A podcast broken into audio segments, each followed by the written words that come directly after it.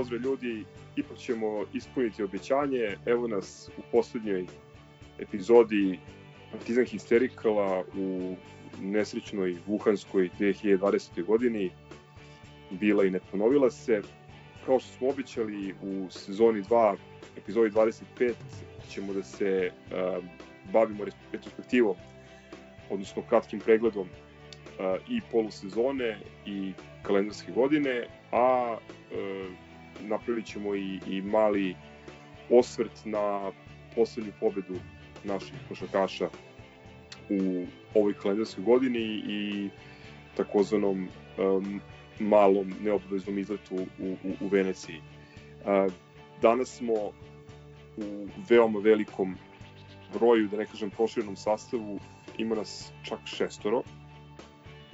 Nemamo specijalne goste, ajde da kažemo, tu su, tu su ljudi koji su ovaj, više od jednom učestvovali svi u, u snimanju različitih epizoda. E, nadam se da smo svi u dobrom predprazničnom raspoloženju i ajde da pređemo na stvar. E, pozdrav Grobario. E, prolazi konačno ovo džubre od godine za svojih 45 godina ovako lošu godinu u smislu sporta i u smislu uh, slobodnog vremena i u smislu, a mislim skoro maltene u bilo kom smislu, ovaj, nisam doživeo. Uh, nadam se da je više nikad neću doživeti. O, što se tiče našeg partizana, e, imam šizofrenično razmišljanje. Ovaj, ona prva polovina sezone, to jest uh, kraj prošle sezone, je ovaj, e, bio fantastičan u svemu. Nažalost, e, sve je prekinuto, najviše mislim tu na basket, a futbol takav kakav jeste, e, bili smo, igrali smo odlično, bili smo, pa, mislim, prava napadačka, pravi partizan, onaka kakav pamtim od malih nogu, ovo, još od 80 neke kad sam ono, sa razumom počeo da pratim taj klub. Ovaj, e, stvarno mi se svidelo kako smo igrali. Nažalost, ovaj, nastavak uh, ove godine je doneo razočarenje u smislu da, da mogu da zaključim da trener uh, Savo Milošević u stvari njegove zasluge nisu bile tako dobre tako velike kao što su bile zasluge onog izvesnog Đumija, za koga sam čuo te prošle sezone, a eto čovjek ispade Alex Ferguson. Ovaj, a, ajde se pozabavimo ovom polusezonom, ovim krajem. A, Savo je krenuo tako kao, kako je krenuo, nažalost ovaj, sve je bilo loše, o, od gore na gore, i, ovaj, i onda je došao Stanoje, ja sam očekivao neki elektrošok, on je pokušao, ovaj, ali nažalost nije se desilo ono i, i, i mislim definitivno utakmica koja me najviše boli ove sezone je taj onaj nesretni Charlois, oni belgijski poluvučijaci ovaj, koje smo ja mislim trebali da okresemo bez problema.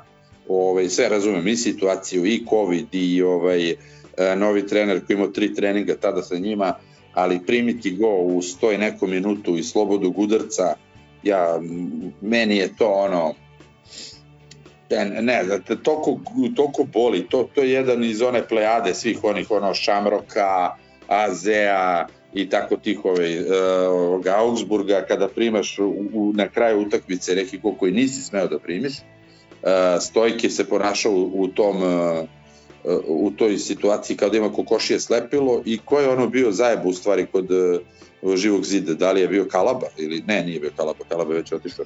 Ne mogu više ni da se setim. Ovaj, E, to je po meni naj, najveći onaj highlight ove sezone, najveće razočarenje je ta utakmica. Ja bih razumeo da smo u sledećem kolu pa na najđemo na boljeg pa ispadneš. Ali ovaj Charlois, e, bože me sačuvaj, kakav čukarički iz neke e, Flandrije ili odakle već, ovaj, to mislim, ne znam, i dalje me to boli. Ovaj, što se tiče učinka stanoja, ja sam tu ovaj, vrlo skeptičan i rezervisan za razliku od dosta vas međutim ovaj, e, mene je prvo dolazak i način na koji on došao i predstavljen e, vrlo iznervirao, što bi rekao Dule Vujošević, izgledao mi kao neki lešinar. Ovaj, Savo je dao tipa u 11 ujutru ostavku, a stano je promovisan u 3 popodne što me dovodi do zaključka da je ono šetao Kjera sa brkom kod rampe, stajao tamo i da su ga cimnuli ovaj, i da je on pristupio tome. Uh, onda selekcija kadrova koje je on doveo, kad bi gledao s neke grobarske strane, to je super, sve su to neke naša deca, stari kadrovi, međutim kad gledaš sa realne strane, to su sve ovaj, polu isluženi, uh, Sem Jojića, ko, kome to treba neki angažman da se nađe, uh, onaj Voldemort, kome ime neću da spominjem, sa brojem 26, je meni bila šamarčina, od koga se ja stvarno nisam uporavio još uvek.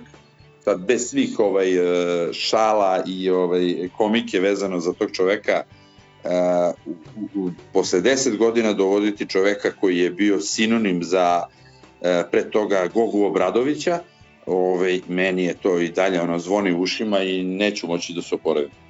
Ovaj, stano je polako ovaj, zaista uštelovo partizan, ali opet kažem, to su utakmice u ovoj našoj nesretnoj guma ligi, koja, kineska guma ligi, ovaj, koje u stvari moraju da se dobiju. E, ostaje mi žal za derbijem, e, ono što je Jojić uradio je meni apsolutno neprihvatljivo. Ovaj, trebali smo bar to da dobijemo, ovaj, na koji god način, ali nismo. Ciganima smo dali legitimitet, ali nadam se da ćemo sve to da poništimo sada već u februaru, martu, kad god je već sledeći derbi u onoj Rupčagi.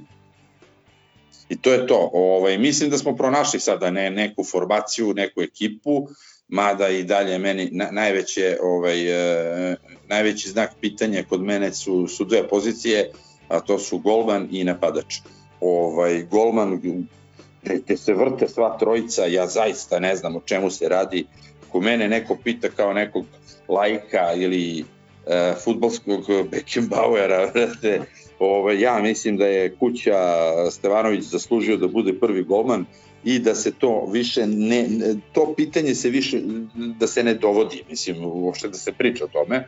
Stojik je, brat, kakav god da je veliki car, ovaj, zaslužio je sve što je zaslužio od Partizana i od navijača, ali mislim da je ovaj zaista njegov refleks e, i njegovo, njegova sprema davno ovaj past tense, passe composé, zaboravljena priča, toga se sećamo od pre godinu, od pre 13 meseci i ovaj ona čuvena utakmica u Hagu koju smo nažalost prisustvovali ovaj, i koja nas je ono isekla ko burek za ovde.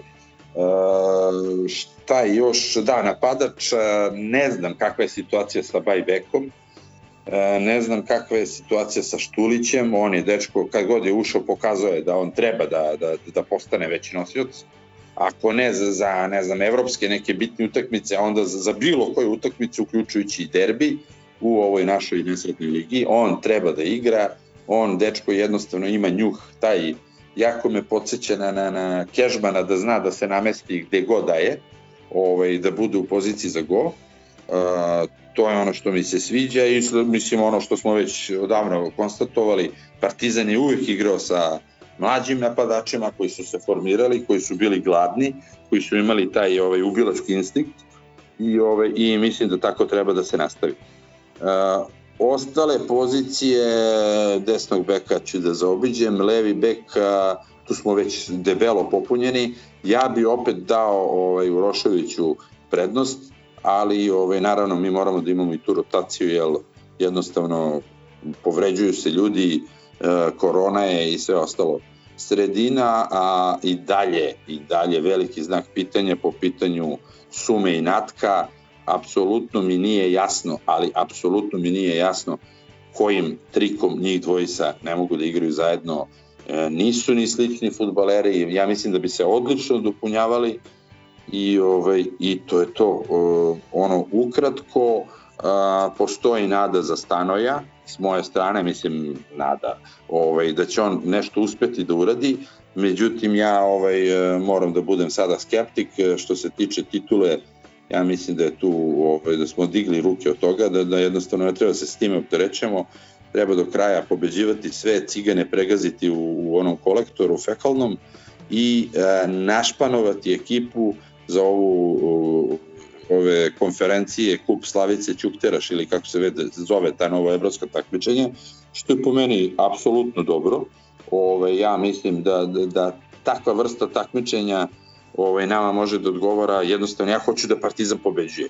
Neću da nalećemo na Chelsea, na šta ti ja znam, ovaj, ako ne možemo da ih pobedimo ili da igramo egal. Uh, sebično razmišljanje, svi bi mi voleli da navijamo za neki giga super evropski partizan, međutim ovaj, realnost je takva, a nas ovaj, onako baš briga s kim igramo, mi ćemo to da pratimo, tako da se unapred radujem uh, kad počnu ove vakcine, kad nas sve pelcuju i čipuju, ovaj, ugradne nam 5G u glavu, da mogu da odem u Moldaviju, u Ukrajinu, u Tagadžikistan ili bilo gde, da gledam Partizan, da se zezam, da pijem i da uživam u onome e, u čemu smo uživali svih ovih godina osim 2020.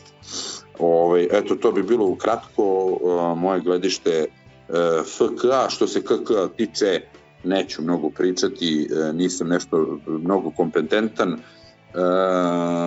mislim da ima nade, Evrokup mora nešto da se desi u samom klubu, ovo, inače sve, sve njih ono, treba, ako ne odemo bar do polufinala ili finala, treba uzeti onu usranu motku pa od uprave, struke, igračkog kadra i ostaviti samo Pejđa i Mozlija, ovaj, jedan ne kuva kafu i prima ove ostale igrače, ali e, to bi bilo to. Eto. Hvala.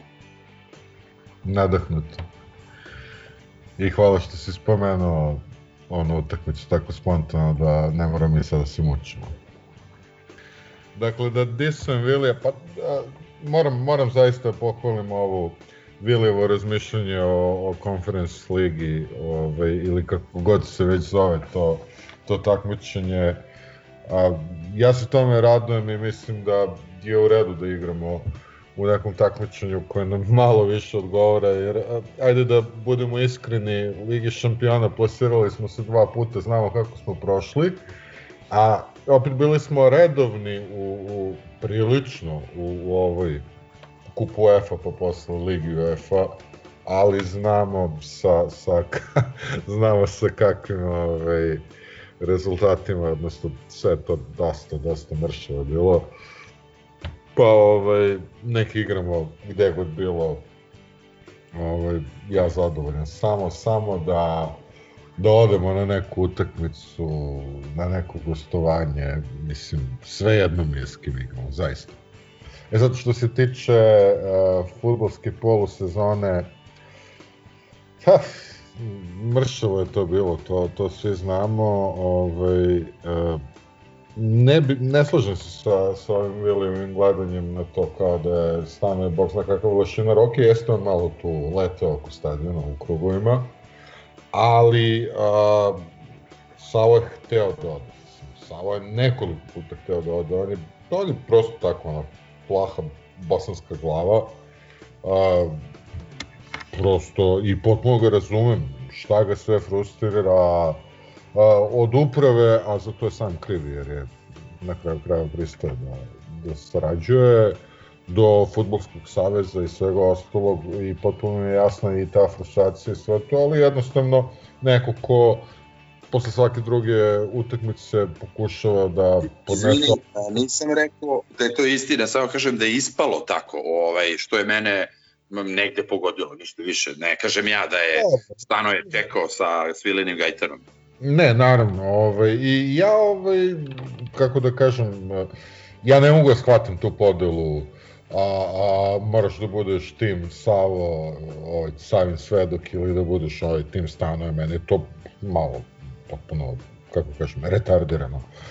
Ovaj, ok, pokazalo se da, da Sava bez uh, Đumija, to je Miloša Đuričića, nije, nije, ovaj, nije isti, to jest nije isti kad, kad je ovaj, promenjena potpuno koncepcija jer je Radovan Ćurčić doveden, to smo već dosta pričali, potpuno druga filozofija futbola, Đumin ofenzivno ovaj, bunkeraš, ovaj, što je manje, manje ležao. Dobro, ja nisam od Save ni očekivao da bude vrhunski strateg, od njega sam očekivao da da svojim autoritetom drži svlačanicu, isto kao što sam očekivao od Bate Mirkovića pre njega.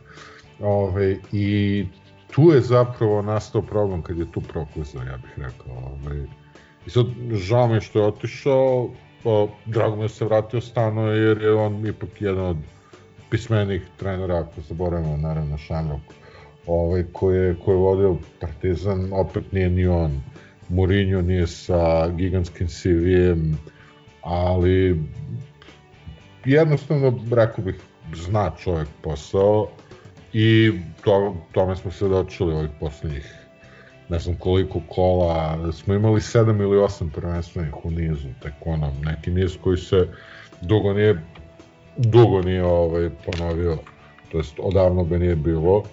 A, sad, slažem se najveća zamerka na tu selekciju igrača i čak mi ne smeta što vraća ovaj, što vraća te neke, da kažeš, a, a, stare islužene ovi bivši igrači Partizana, malo mi smeta što smo se vratili opet saradnje tu sa, sa tačno jednom agencijom.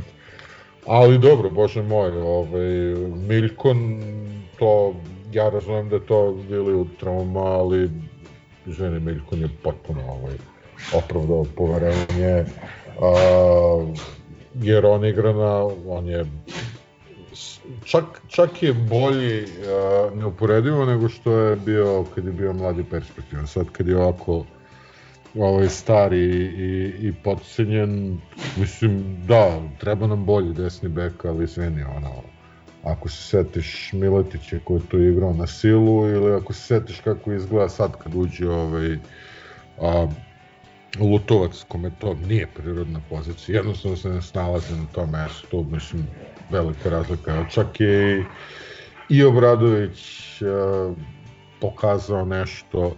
Mislim da je najveći plus što se povrataka tiče uh, ovaj uh, Sveta Miletić, bože, Sveta Marković, ovaj, igra igra neuporedivo bolje nego, nego onaj mislim pol Svetozar Miletić A rekao sam Miletić, šta da ti kažem, pa kod nas dementnih ljudi. A po meni je... Po meni Dobro, je... neki, neki revolucionari u svakom Neki, neki da, narodni heroj. Ove, igra, igra, ove, na, na poziciji narodnog heroja, a stvarno nije loš, ove, da, to je, a, daleko od toga da je loš i srećem rešili smo se Vitesa, tako smo to malo iskristalisali, sad vidim da ide neko in, o o odlasku Banjaka, što mi se ne sviđa, ali ajde nećemo da, da pričamo na osnovu nekih tračeva. Ove, ovaj, I mislim da je u, u svetu najveći plus što se tiče dovođenja Holender. Stvarno, ovaj, stvarno jako korektan momak. A što se tiče ovih igrača koji su tu od ranije, a, mislim da je Šćekra u ovih poslednjih par meseci baš izdominirao i nadam se začepio usta onima koji ga kritikuju da, da nije dostojan ovaj crno-belog dresa. Sad, pošto smo tim zdjelali, samo kažem da smo jako zadovoljni izdanjima ovaj, našeg favorita.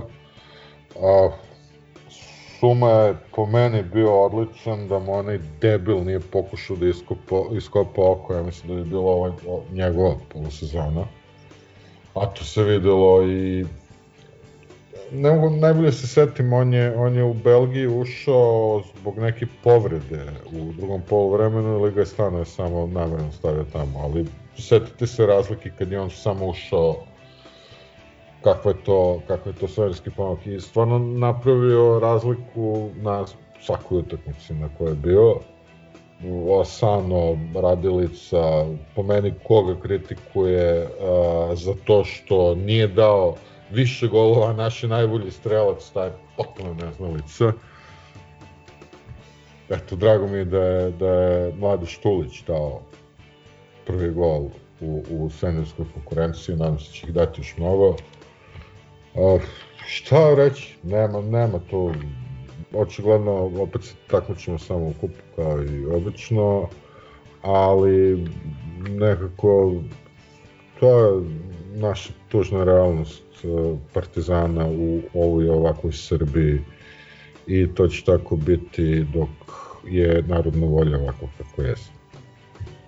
A što se tiče basketa, puf, tu je tu mi je teško i da pričam, ovaj, mnogo čudnih stvari se desilo, a, mnogo pogrešnih poteza povučeno, a, delo mi da ide na bolje sa ovim makedonsko-slovenačkim veganom debelim, a delo mi da je bolje to što smo se na neki način rešili ovoga, recimo Stefana Jankovića u smislu da da barem više nije, nije u rosteru, da, da smo shvatili da shvatili, čuj, znali smo sve vreme, ali da sad izvanično tražimo neka pojačanja na, na ovim pozicijama, znači da tražimo nekog šutera, da tražimo playa, pošto je Gordo otišao, ne znam da li smo to, da, to se desilo između dva istih, znači da, to je jedna od, od novosti koju svi znaju. Ove, po meni i neki otišao sa onakvim, ja ne mogu da kažem da je stav, ali jeste stav nekako. Mnogo je to loše bilo, po meni nedovoljno profesionalno. Ovaj, nije, nije on sad navuku neki moj hejt, ali a, ako, ako ćeš tako da igraš u Partizanu, nema da igraš u Partizanu. I sad, šta reći, ko je nama cilj u basketu, ja to, to nisam umeo da kažem ni, ni na početku sezone. Ovo, Vilijevo ambiciozno da ćemo doći u polufinala mm, za malo. A, tako da igrat ćemo tu neki kup, ovaj, Land Delan, ne postoji više liga, tako da ne tu, tu sad neka grupa građana koja igra za Partizan ubacuje koševe, sad da li imamo neki cilj, da li imamo neku strategiju, to, to ja nemam da vam kažem, to je pitanje za gospodina predsednika i za njegovu ekipu.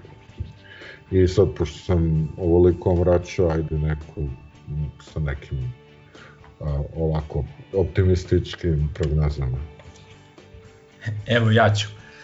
Pa ne znam baš koliko su mi optimističke ovaj, prognoze, ali želeo bih da, da pozdravim sve ljude koji nas slušaju a, i da, da im se zahvalim i da im poželim ovaj, srećne novogodišnje i božićne praznike. A, što se tiče futbolskog kluba i ove polusezone, ja bih to podelio nekako na, na tri dela. A, prvi deo bi bio onaj dok je Savo još bio trener Partizana. A, sećam se kao juče da je bilo ono, čini mi se Kruševac i ono mučenje E, dobili smo nekako onaj penal posle kornera, do, dobili smo utakmicu, međutim, e, mislim da smo baš Vili i ja ovaj, još tada pričali da to ono ništa ne valja i da kad tad ćemo početi da prosipamo bodove i već odmah smo počeli, ja mislim odmah u narednoj utakmici u pazaru i tako dalje i ja Savu stvarno volim i mnogo mi je drag lik i generalno ovaj period dok je on bio trener Partizana stvarno ovaj, e, mogu da ocenim iz mog nekog ugla kao, kao jako pozitivan. Međutim, bilo je jasno tu dosta stvari neštima, da se ne ponavljam sa to pričom o pomoćniku i tako dalje i, i Savo je otišao, dakle tu smo završili prvi neki prvi neki deo ove polusezone, drugi je došao sa Stanojem i ovaj sa tim nekim njegovim, da kažem, prilagođavanjem na, na ekipu, sa čekanjem pojačanja i tako dalje. I to takođe nije, nije ovaj, eh, delovalo najbolje. Slažem se sa Vilijem da su mi eh, njegova pojačanja prilično problematična i ok, ajde, možda, možda može da se, da se izvadi na činjenicu da je prelazni rok bio pred kraj, pred, pred samom krajem, da je sezona bila u toku, da je dovodio praktično koga je mogao da dovodi, dakle nije baš tu ni bilo nekih preteranih opcija, ali opet, opet ne treba zaboraviti da pričamo o čoveku koji je kad je ušao u Ligu šampiona doveo Pjera Boju 2010. godine. Tako da ovaj, ti neki njegovi izbori su stvarno bili problematični kroz čitavu uh, karijeru. Uh, ovaj, međutim, kao što je Crk rekao, dobar deo tih pojačanja je doneo nešto, doneo nešto nama i ovaj i taj treći deo ovaj, ove polusezone dolazi sa ovim pobedama. Ni sam više ne znam koliko ih je bilo u nizu, neke su bile zaista i praznik za, za oči, onako baš uživanje gledati poput one u Subotici ili poput ovih Lučana. Ovaj, dok su neke bile, boga mi, uz dosta sreće i uz dosta muke, poput onog proletera u 91. minutu ili ovaj, ili ne, sad sam sve pomešao, šta smo ono u 90. ono kuće kad je odbranio penal, je li to bila Subotica ili... To je Subotica, to je Subotica. A, a da, TSC smo onda razbili, da, da, da. Mada, mada i Proletar je bio u poslednjem minutu, to je, tu je promašio Hollander penal, pa su oni imali prečku, pa je Hollander onda dao gol u produžetku. Da, da, to sam rekao, 90, 90 ne da. minutu. Ovaj, tako da nije to baš bilo toliko dominantno, ali da ide u nekom boljem smeru ide. I sad ćemo da vidimo, ovaj prelazni rok može, što se kaže, na miru i na tenane, mada koliko sam video neke ovaj, koliko sam video neke najave Stanoja, on je rekao da želi da, da ima komplet tim na početku priprema, mada nisam siguran ovaj, da je on, nisam siguran da, on, da li on svestan toga da to apsolutno ne interesuje upravu Partizana, ne samo ovu upravu i ne samo sada, nego ovaj, kroz dobar deo istorije Partizan je ovaj, čekao poslednji čas da, da nešto uradi ovaj, u prelaznom roku. A, tako da ćemo videti, donekle sam kažem skeptičan, ali donekle se slažem i sa crkom da Stano je stvarno ozbiljnije trener od Savi i od nekih drugih trenera koje smo imali u skorije vreme, to apsolutno niko ne može da ospori. I na kraju krajeva došao je do tih 5, 6, 7 uzastupnih pobjede koliko nismo imali godinama u nas. A, što se tiče ko košarkaškog kluba, dominantan utisak ove kalendarske godine je da, da je naš klub, da je Partizan apsolutno najveći gubitnik uh, u čitavoj košarkaškoj Evropi sa pojavom, poj, ovaj, sa pojavom ove pandemije. Zašto? Pa zato što da se više ne ponavljamo, ali znate svi gde smo bili na tabeli kada nas je to zadesilo u dva takmičenja, imali smo prednost domaćeg terena do kraja Evrokupa, e, do kraja ABA lige i do kraja KLS lige, koje, što opet nije za, za pocenjivanje i, i što nije za baciti, zato što mi tu ligu nismo osvojili koliko? 6 godina. Ove, ovaj, tako da Partizan je ostao, be, osvojili smo jedan trofej, ali ostali smo bez šanse e, da se izborimo za preostala tri, posebno mi je bolan taj Evrokup, zaista ne u smislu prohodnosti ka Euroligi, nego jednostavno nisam imao to zadovoljstvo za razliku od, mislim, svih vas ovde, uh, da, ovaj, uh, da budem živ ovaj, za, za vreme onog Istambula, za vreme Partizanovog osvajanja evropskog trofeja, dva puta se sećam Final Fora, ali, ali mislim da smo ove godine bili jako, jako blizu ovaj, tog evropskog trofeja, jako respektabilnog u izvanrednoj konkurenciji i tako dalje. Takođe ostali smo bez trenera koji u trenutku dok mi ovo snimamo vodi protiv Barcelone i protiv Jasikeviću sa neki 15-20 razlike u Euroligi i na putu je da zabeleži ne znam, 11. pobed u Euroligi sa jako skromnim sastavom, tako da Partizan je za razliku, kažemo, od Efesa sa kojim su nas mnogi poredili kao gubitnici, Partizan je izgubio i trenera, Partizan je smanjio budžet, izgubio je značajan priliv sredstava i na kraju krajeva značajnu ovaj, podršku navijača na utakmicama i tako dalje. Ovaj, recimo taj Efes jeste delova odlično, jeste bio prvi na tabeli, ali završnica Evrolige je Final Four na neutralnom terenu, jedna, jedna utakmica, dok je završnica Evrokupa playoff, ti imaš prednost domaćeg terena, podsjetit ću sve da, a, da, ovaj, da smo praktično prošle sezone do trenutka prekida samo jednu utakmicu na domaćem terenu izgubili. A, to bi bilo to, nadam se iskreno će ova naredna godina biti bolja po apsolutno svakom kriterijumu i na ličnom i na planu i na planu što se tiče Partizana i ovaj i nadam se da ćemo se malo više radovati i da ćemo što pre ovaj, uživo ponovo posmatrati utakmice Partizana.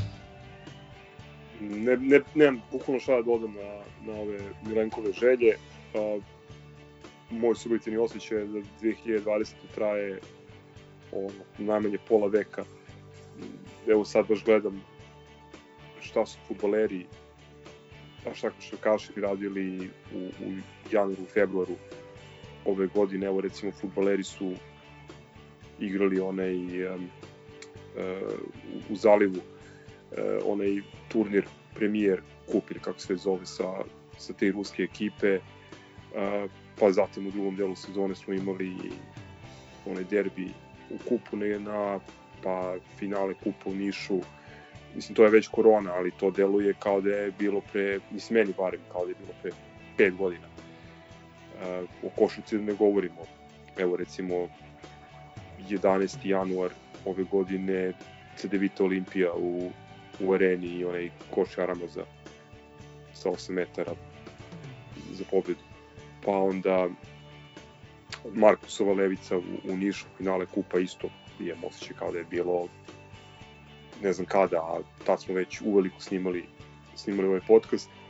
Na kraju krajeva i poslednje inostrano gostovanje koje smo, koje smo odradili, to je ujedno i po meni možda i najlepša utakmica ili najlepši trenutak u, u ovoj kalendarskoj godini, to je gostovanje u Bolonji. Što smo takođe snimili ovaj, to je bio prvi naš on the road podcast koji smo snimili u, u kolima uh, na autoputu između Bolonje i, i, i Ferrari. Uh, da, potpuno, potpuno verovatno, mislim, u, u, u svakom smislu. Uh, I prosto, ne samo zbog tog subjektivnog osjećaja, već bukvalno može da se podeli godina na dva dela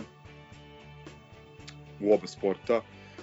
Um, u futbolu taj, ajde uslovnično Savin Partizan prošle sezoni koji je delovao onako pun samopouzdanja, vrlo um, vrlo atraktivno igrao, iako je, moram, mislim, da budem potpuno potpuno pošten i on pravio neke neprijatne ne, neka neprijatne izređenja, da ne kažem neke ne, nepovoljne rezultate. Um, za početak, eto, taj, ta Vojvodina koja nas je u, nekoliko dana dobila, dobila e, dva puta u drugoj polovini juna, što je ostao neki, da kažem,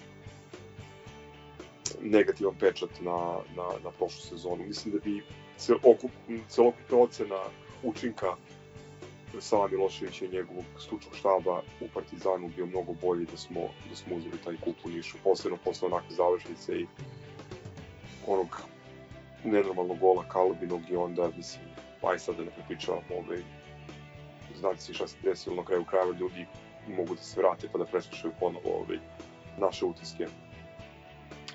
Um, u košarci, slažem se sa Milenkom, sve ovo još izraženije.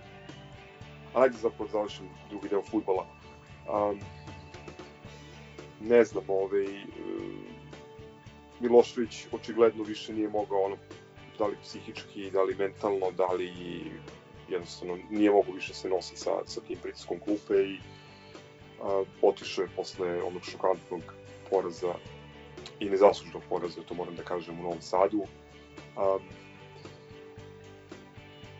Stanojević je uspeo ipak da konsoliduje tim i slažem se da nisu sve te pobede bile bog za kako lepe za oko ili ubedljive, ali ako ništa delovalo je da, da ekipa raste i da je ta grupa igrača na koju se on oslanja iz utakmice u utakmicu deluje, deluje solidnije, pa smo na kraju i došli do uh, te fantastične pobede po meni u Senti i ovaj, ovog finiša protiv mladosti, ali da, slažem se, to, to jeste sve lepo na papiru, ali pravo merilo će biti, biti proleće, završen takmičenje u kupu i um, drugi derbi prvenstveni.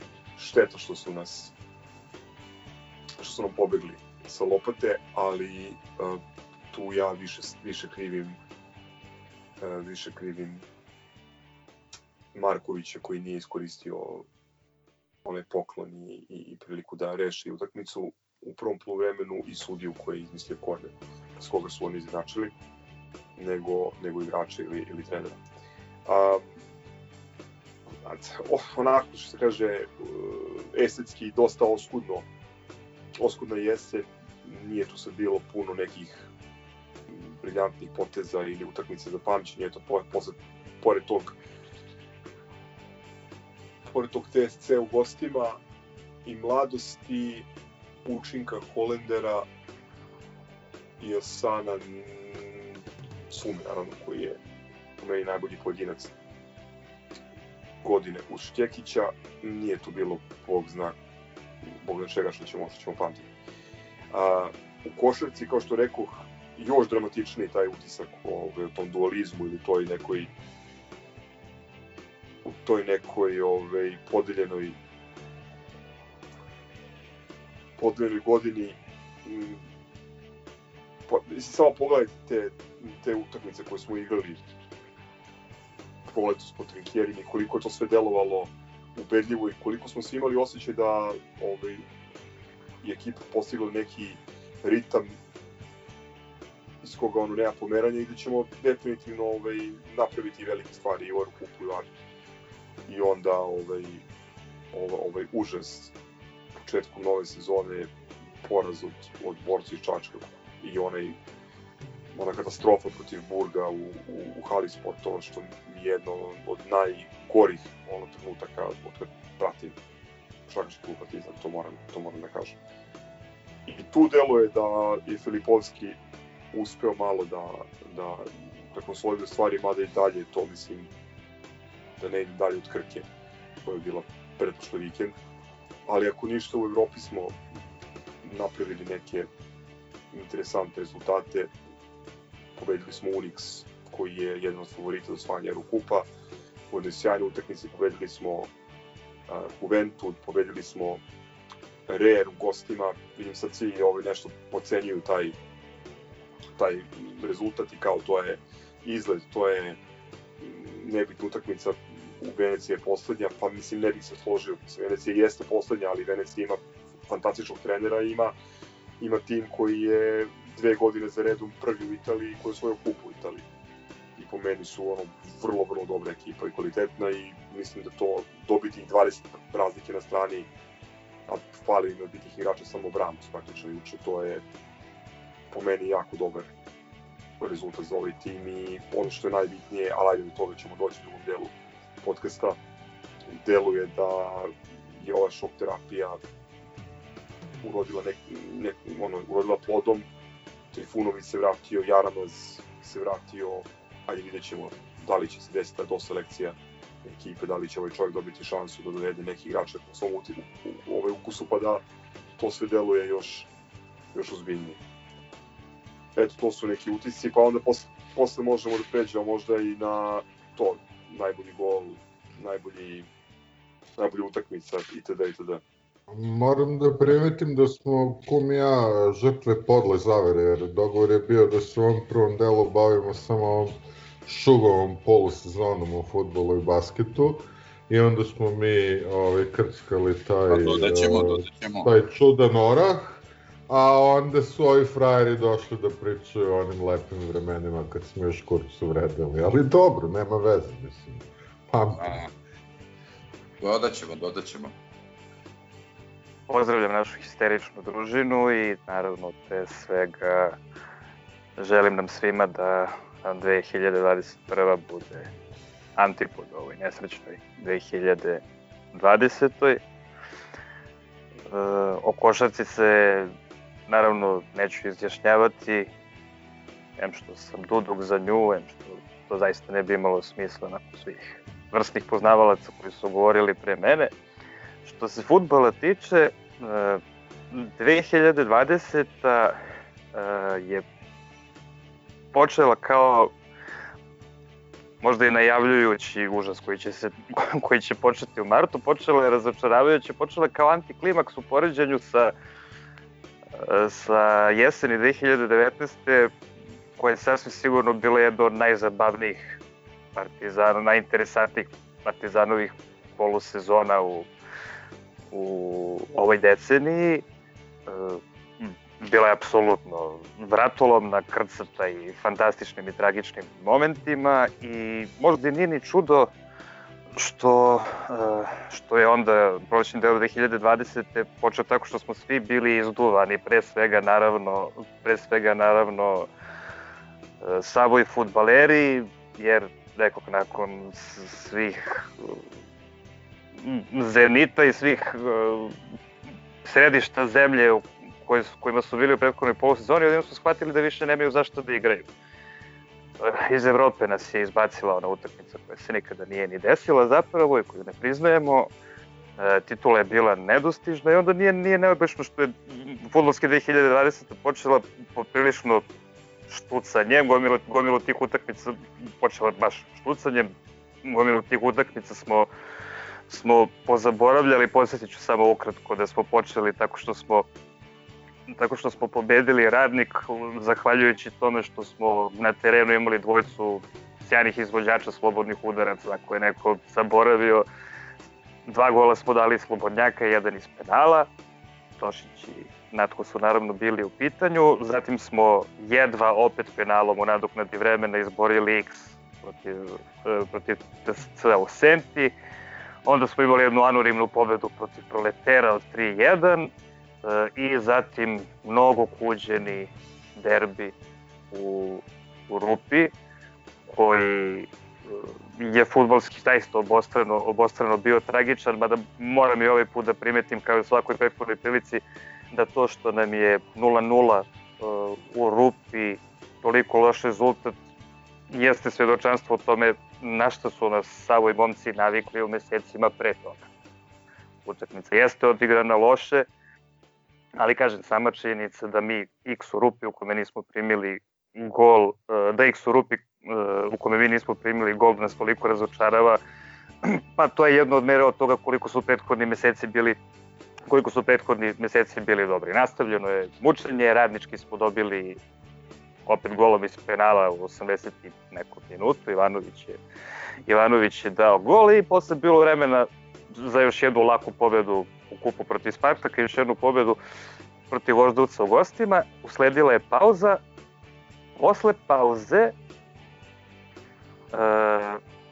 delovali smo, delovali smo drugačije. E, u maju, kraje maja kada smo počeli, pobedili smo mladost ubedljivo, onda smo imali poraz, poraz u Subotici, nevažan, realno prvenstvo je odavno bilo e, zaključeno, ali onda smo za samo četiri dana odigrali dve odlične utakmice kako nismo videli od početka polusezone. Naravno, prva je bila polufinale polufinale kupa, nema potrebe o njemu pričati mnogo kao i svakog derbija u kome smo pobedili, do, dobro, ga se, dobro ga se sećamo. Pobeda je mogla da bude ubedljivija, pogotovo nakon prvog gola propustili smo si jasne prilike da utakmicu i zatvorimo ranije i da imamo još jednu recimo slatku 2-0 pobedu kao taman da imamo paralelu jesenjih i prolećnih 2-0 koje bi podvukla koliko smo u toj sezoni bili, uh, bili nadmoćni u, u derbima. A četiri dana kasnije usledila je uh, malo zaboravljena utakmica protiv Čukaričkog u prvenstvu koju bi trebalo upamtiti, ako izbog čega drugog, zato što je to verovatno jedina laka i ubedljiva pobeda koju smo imali protiv Čukaričkog u poslednjih 7 godina. Recimo, ko je zaboravio, bilo je 4-1, vodili smo čak vodili smo i vodili smo i 4-0 i taman kada smo počeli, sećam se na toj utakmici, mi koji smo, koji smo tamo bili, pričali smo kakvi smo baksuzi, taman kada smo ušli u formu, sve se završava i možda je, ako poetski je možda bilo prikladno da nakon toga da se da se nakon toga sezona završi još jed, još jednim još jednim udar još jednim udarom glave u u ledinu, još jednim razočaranjem u finalu kupa i nažalost uz Hag verovatno najtežom greškom koju je Savo napravio. Naravno radi se o tome što Vojvodinu demoralisanu spektakularnim kalabinim golom u nadoknadi nije, nije napao u produžecima, već je rešio da čeka penale. Ja verujem da nijedan navijač, da nijedan navijač Partizana ni pod kakvim okolnostima ne bi čekao penale da rešavaju, da rešavaju utakmicu, pa ni Savo stvarno nije to trebalo da radi. Ostali smo bez trofeja koji, ja trofej kup, trofej kupa, odnosno titulu o kupu, kako su ga komšije jedno vreme zvale, zaista ne shvatam ozbiljno, ne znači mi ništa to takmičenje osim kada se sudarimo sa, sudarimo sa ciganima, ali jeste tužno, momci koji su suma sumarum odigrali zaista pamtljivu sezonu, zaslužili su bare neki komad srebrnine da ponesu, a najgore od svega još je što je naš ljubimac uh, Djelar završio sezonu promašujući tako važan penal, ako nekome to nije trebalo da se desi, to je, to je zaista on. Mm, što se ove polusezone tiče, što se jesenje polusezone 2020-2020 tiče, možda, možda se može i manje o njoj, bliže nam je, dobro je pamtimo, a i teže je o njoj pričati. Ja za, zaista nisam ljubitelj šta bi bilo kad bi bilo priča i ne volim u principu razgovore poput E, da smo u Milanu 90. iskoristili samo jednu od onih brojnih šansi, e, da smo 97. u Maksimiru pogodili penal ili pre toga iskoristili onaj zicer u prvih 5 minuta. E, ne volim to, to šta je moglo da bude nema nikakve posledice u stvarnosti, to šta smo mogli da uradimo nema nikakve posledice u stvarnosti, realne konsekvencije ima samo ono što smo zaista uradili, ali ako bi negde možda moglo da se nađe mesto za, takva, e, za takvo filozofiranje, to jeste ova sezona zbog sve ekscentričnosti koje je korona darovala. Eto, ona i taj utakmica Belgije protiv utakmica Belgije protiv tog nesrećnog Charleroi. E, tako je izgledala da čovjek ne može da ne bude ubeđen da bismo ih u dve utakmice relativno lako odradili. Možda, možda čak ne ni lako, ali sigurno. Naravno, sa druge strane, opet svoje pitanje, moguće da bi oni igrali drugačije da se to igralo na, na dve utakmice. Možda, možda, bi na, možda su i oni zbog jedne utakmice igrali opreznije nego što bi inače.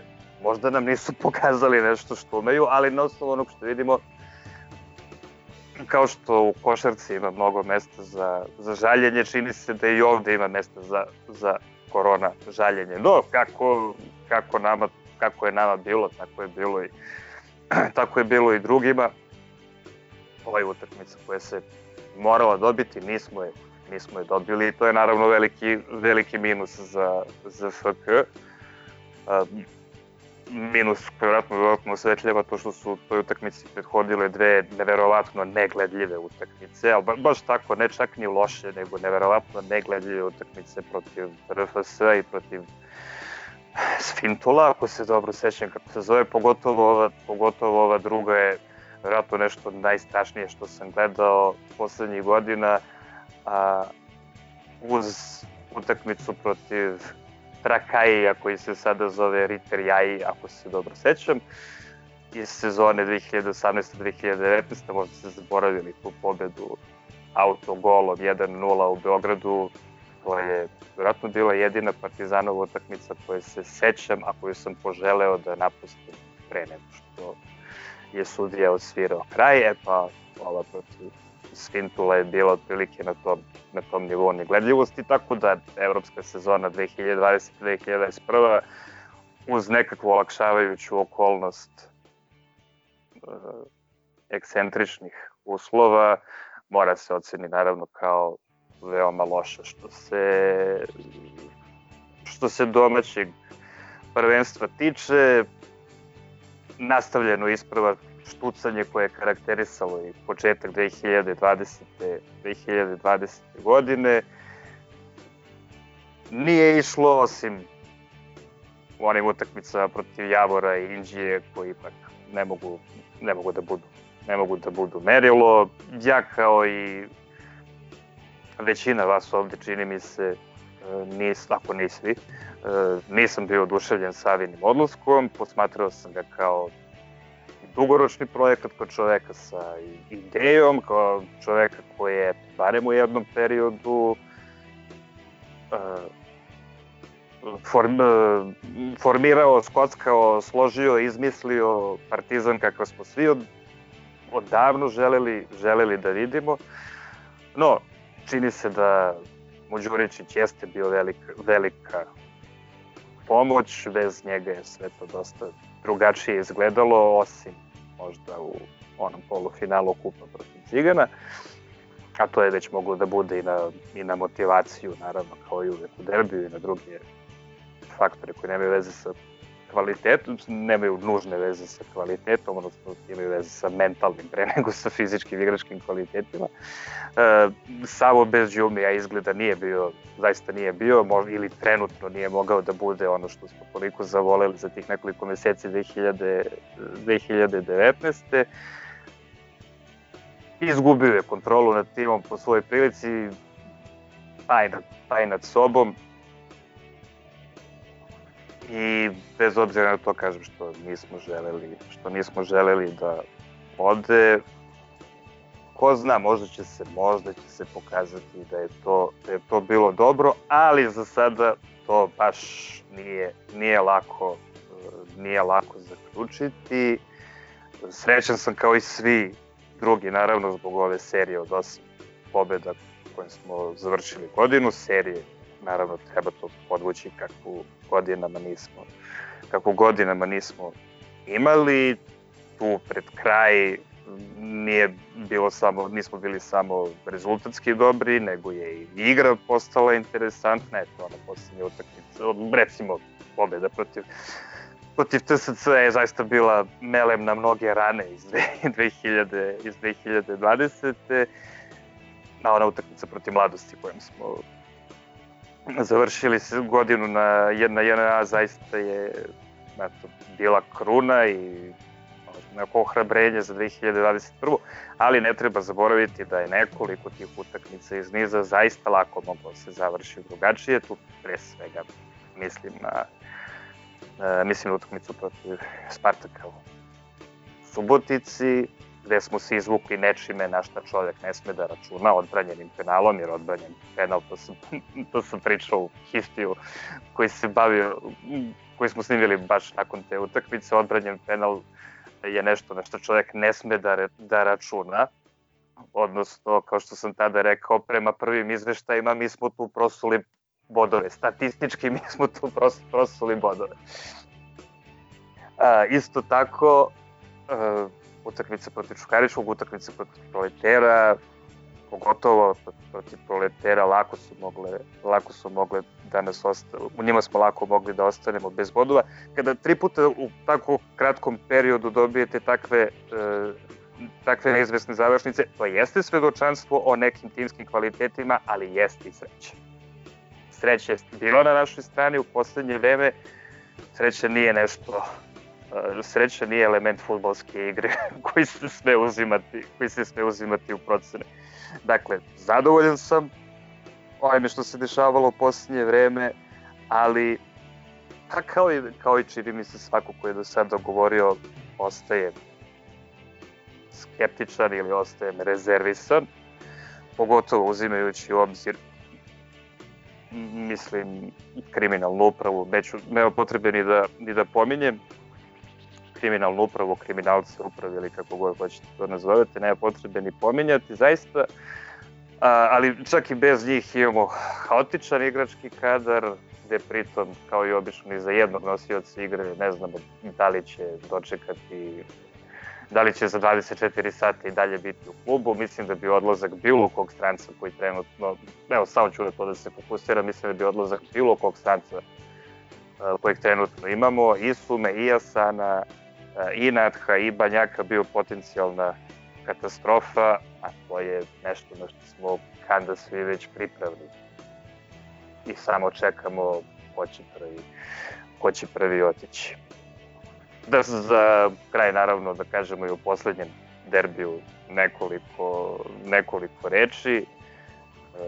Možda nije mnogo nedostajalo da to bude ono što bismo već nazvali tipičnim stanovim derbijem, da im, da im damo gol i onda ih, i onda ih zatvorimo i pobedimo sa 1-0, stane u naj, najboljim danima je tako derbije tako derbije rešavao, ali ovde ili to, ili to nije onaj e, e, ili to nije ili još nije nekadašnji stanoje ili je razlika u kvalitetu između nas i Cigana drugačija nego što je bila u to vreme, ovo drugo je mislim, sigurno tačno.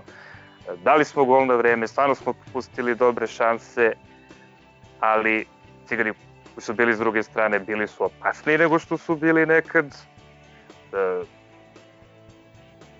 a mi smo se, e, bojim, mi smo, bojim se, napravili grešku počevši sa totalnim zatvaranjem još 60. minuta gde je ulazak Lolis Miljanića bio ovako simboličan pokazatelj toga što nameravamo u pola sata, da li je Partizan ikada u istoriji protiv bilo koga izdržao pola sata takvog zatvaranja, to je, to je neizvesno. I sad, da li je bio taj, da li je bio taj, taj korner pre penala, verovatno nije bio, ali to je manje važno, prosto, mislim, za, za nas koji sada razgovaramo je manje, manje važno, jer govorimo o tome kako je tim igrao i kako bi kako očekujemo da igra i šta bi eventualno trebalo, šta bi eventualno trebalo promeniti.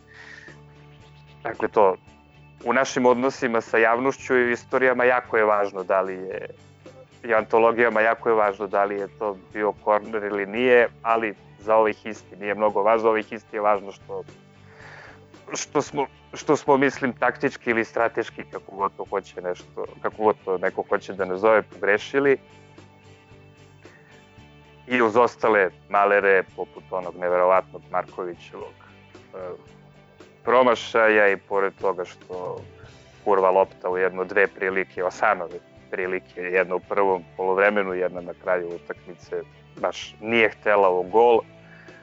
Eto, ostali smo se gorko-slatkim ukusom u ustima, što bi se, što bi se reklo nakon, nakon tog derbija i valjda najzadovoljniji možemo da budemo time što smo Cigane opet, što smo mogli da zaključimo da smo Cigane opet toliko istraumirali u prethodnih godinu dana da su oni tih 1-1 na svim nivoima slavili pa onako kako nekada nisu slavili ni ubedljive pobede protiv nas. Sve je vrvelo, sve je vrvelo u njihovim međusobnim obraćanjima, njihovim internet kanalima od toga kako su nas razbili, razbili nas u utakmici u kojoj su nam pobegli sa lopate penalom u 75. minutu i to je merilo onoga šta smo im radili u prethodnih godinu dana i što je vratno najbolje što možemo da kažemo u futbalu u prethodnih godinu dana. Eto, toliko izvinjavam se ako sam bio, ako sam bio predug i još jednom želim svim našim dragim prijateljima sve najbolje u sledećoj godini. Dakle, sada sasvim malo nade, iako nade ima da god sudija ne dune poslednji put u svoju pištaljku. Evo Varge, evo Varge i jedan jedan. Da bome, da bome, ima nade, dogod sudija ne svira kraj,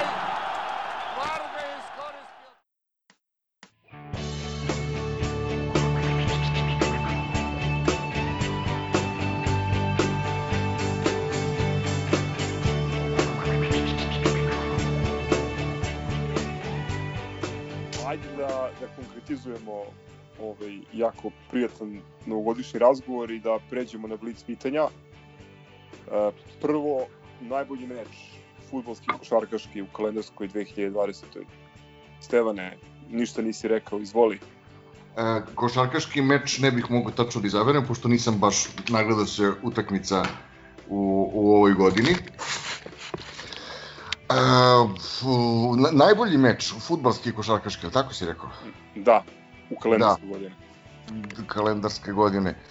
Pa ne znam, znaš šta, meni je, meni je onaj, onaj finale kupa protiv Vojvodine, iako smo mi tu pukli na penale, ali je meni imao taj jedan filmski obrt sa, sa, sa Kalabom. Pošto je Kalaba, ja mislim, prvi put od kad igra za A selekciju imao ogromnih, ogromna dva kiksa, i gde je on pregoreo dečko uh, do kraja i dao je onaj gol za izjednačenje i za penale. Tako da je to meni to je meni bio bio trofej, taj trofej koji nije posebno bitan, ali mi je to bilo ovako jedan filmski obrt i ta ta utakmica mi je ostala u dobrom sećanju zbog zbog te neke dramaturgije koju smo koju smo imali. E, basket rekao smo ništa, a, mislim nisam gledao prosto. Tako da to je to.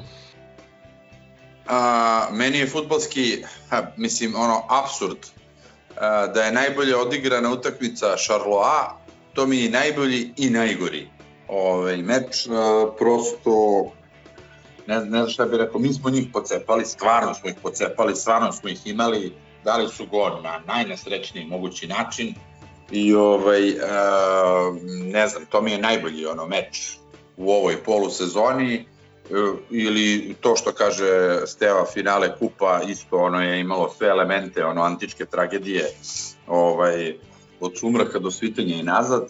Ovaj a košarkaški definitivno Virtus tamo o, ono kada Rade Zagorac omraženi lik svih e, twitteraša i ovih instagramaša potima loptu ovaj onoj nesreći Valjevskoj prevari i ovaj i daje koš ja mislim ne mislim E, dobiti Virtus kao dobiti Chicago Bulls ono sa Jordanom zaista tako nekako doživljavam ovaj, u košarkaškom svetu njih, tako da je to meni ono stvarno utakmica, e, ja nemam neke posebne emocije prema basketu, ali tada sam odlepio.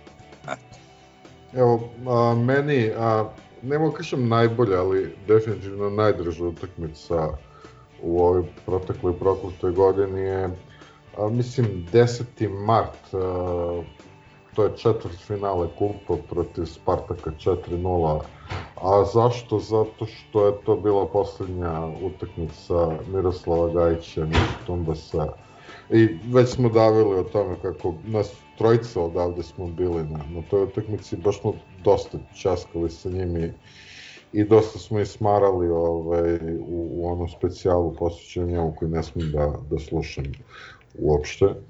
A, a što se tiče basketa, prvo ih spomenuo ono, ipak honorable mention, ono runner up a, a, finale kupa. Stvarno fantastična utakmica, a, ali ipak Bolonja. A, neverovatan uspeh, a, samo pobjeda i ta činjenica smo baš bili tamo, nestvoran, nestvoran osjećaj i, i kakav početak, kakve proklete godine. Eto. Što se mene tiče futbal polufinale kupa, što se tiče košarke, stvarno, stvarno nemam srca a, da izaberem između Bolonje ovde, Bolonje tamo i finala kupa. Ove, ovaj, ovu prvu utakmicu ovde sa Bolonjom smo letali po terenu, ono stvarno je jedna od najboljih utakmica koju je košarkaški klub odigrao, pa ne znam, tamo neke 2000, ne znam više ni sam 12. 13. A Bolonja tamo Vili je lepo opisao to. Malo sam, moram priznati, ljubomoran na vas i ljut na sebe što nisam bio prisutan. Mogu misliti kako je to bilo tamo u punoj paladoci. A opet e, i to finale kupa u Nišu, minus 6 na 30 sekundi do kraja, a, pa one trojke Markusa, pa bacanja, pa ovaj, e, one, Da, da, a teo sam kažem onaj, onaj fal u napadu Kevinog Pantera ovaj, i onda ona eksplozija Jarama za pa nek bude to, nek bude to, ipak, ipak protiv, i, i protiv lažne zvezde je lepo uvek pobeđivati, a posebno na taj način i to je stvarno ono što, što ljudi vole da kažu, ono, u redku kom sportu može tako nešto da se desi za, za 30 sekundi faktički. Ali eto, nek bude, nek bude finale kupa. Hoće li Gogic da nas udostoji komentara. Hoće, hoće, ajde. Ajde prvo reci kako si. Ovaj, dobro je, dosta dobro. I dosta bolje u stvari. ovaj, nema temperature uopšte. Da i slušalci znaju, ovo je još jedan histerikalac koji se oporavlja od ovog čuda. Čuvajte se. Uskoro će ovaj, imunitet valjda da dozvoli da nam se što više okupi ovaj, na tajnoj lokaciji za neko snimanje ovaj, sa antitelima, tako da, da bit će to dobro. Ovaj, što se tiče futbala, sadik i disciplina kičme, to bez, bez daljnjeg. za ovu kalendarsku godinu, a basket je, mislim, nije da imamo neki preterani izbor, ali i ja kao i Lemi delim to pola-pola kupi i, i, i, i Bolonja, ovaj, ali ne znam čemu sam se više radovao. Ovaj, to je bilo ono iz, iz minusa u, u, u, u, u nebo, tako da, da ne bude eto pola-pola za, za što se tiče ovaj, basketa. Pa će valjda sledeće godine da bude bar par takvih pobjede još i u futbolu i u, i u basketu, nadajmo se. Apsolutno se tome nadamo uh, svi ovde prisutni, a i svi koji nas slušaju. Uh, pomenuo si disciplinu kičme, meni je to uh, uz Turbo Asanov trk proti Čukaričkog na ovoj utakmici 4-1 koju je Trobi pomenuo, meni su to dva najbolja futbolska poteza u ovoj kalendarskoj godini, a košarkaški bih izdvojio pošto niko nije pomenuo tu utakmicu, uh, Markusov Rafal, odnosno revolveraški obračun uh, na meču protiv Unixa u, u hali sportova. To su mi ovaj najbolji potezi kalendarske godine. Ne znam šta vi ostali mislite. Znači drugo pitanje je najbolji potez. Uh, najbolji potez, pa da, disciplina kičme definitivno to je ovaj najbolji futbolski potez, mada ja isto ne mogu da izdvojim ni ono, ne znam koliko poteza Asanovih, ovaj, i ovom prilikom uh, da se izvinim Masanu, ovaj, pošto ga nisam pomenuo u onom prvom delu, ali ja mislim da je on najkvalitetniji igrač, to jest možda ne najkvalitetniji, ali najstandardniji u ovoj ekipi Partizana. Čak ni Zdjelar ume da, da, da neku utakmicu ovaj, ono, od umora ili bilo čega otalja, on ništa nije otaljao Ovaj, ja mislim da je to igrač na kome mi treba ovaj, da gradimo zaista ovaj, ovu sledeću godinu uh, u kompletu. Znači, na njega uvek može da, da, da se računa. Ne znam gde je bolji, mislim, ne znam koliko ljudi gledaju kojim očima futbol, ali da li je bolji u napadu ili bolji u odbrani, ja više stvarno to ne znam. Znači, kapa dole za tog majstora, ovaj, pored svih ostalih naših majstora, ali meni on i ispred Sume i ispred Natka u ovoj godini Asano. Ovaj, a što se tiče e, košarkaškog poteza, pa meni je Tomas sa onom rampom i onim zakucavanjem odmah posle toga. Ne mogu se setiti koja je to bila utakmica, ali znam da je ovaj to bilo ono, meni ono kao Harlem Globetrotters. Evo ovako, pošto sam večeras očigledno nešto ovaj, emotivan, meni je najbolji potez onaj, ja mislim da je, da je to bio posljednji gol uh, Partizana u sezoni, a to su one fenomenalne makazice Kalabu u onom meču koji ste već, mislim da je Trobi to podrobno opisao, taj, taj ceo uh, tragični moment i A se basketa tiče, ja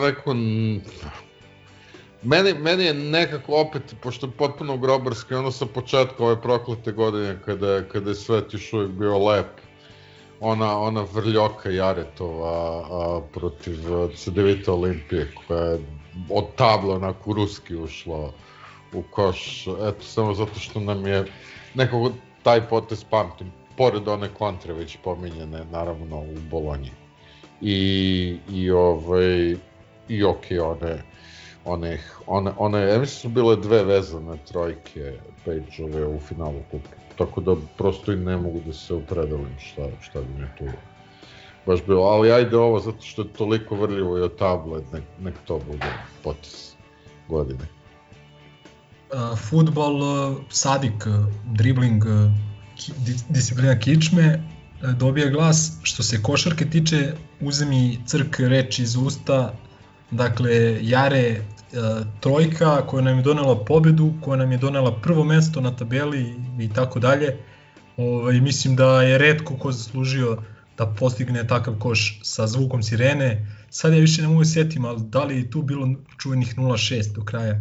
U svakom slučaju bilo je jako malo vremena i onaj njegov šut, ovaj, stvarno mi je bilo drago zbog njega pomenuo bih recimo, evo sad kad se prisjećam onako malo, e, sa te utakmice je bio onaj fantastična ona sekvenca kada, kada Mozli lupa bananu Blažiću, i to kakvu bananu, i onda iz kontranapada Gordić daje trojku i mislim da ono arena je poludela tada i ajde, s obzirom, s obzirom da sam ono svedočeni bot Andre, Andreja Trinkjerija, moram stvarno da istaknem jer to, to je ono pravo umeće, znači to je ono što, što šta znači trener. A, moram da istaknem njegovo stavljanje Zagorca na, na Teodosiću u Bolonji ovaj, u poslednjoj četvrtini kad ovaj mučeni Valjevac nije mogao da nije mogao da vidi koš i u dobrom dobrom delu je to je potre, potez koji je doprineo na kraju krajeva i, i da dođemo do te situacije i da pobedimo na kraju.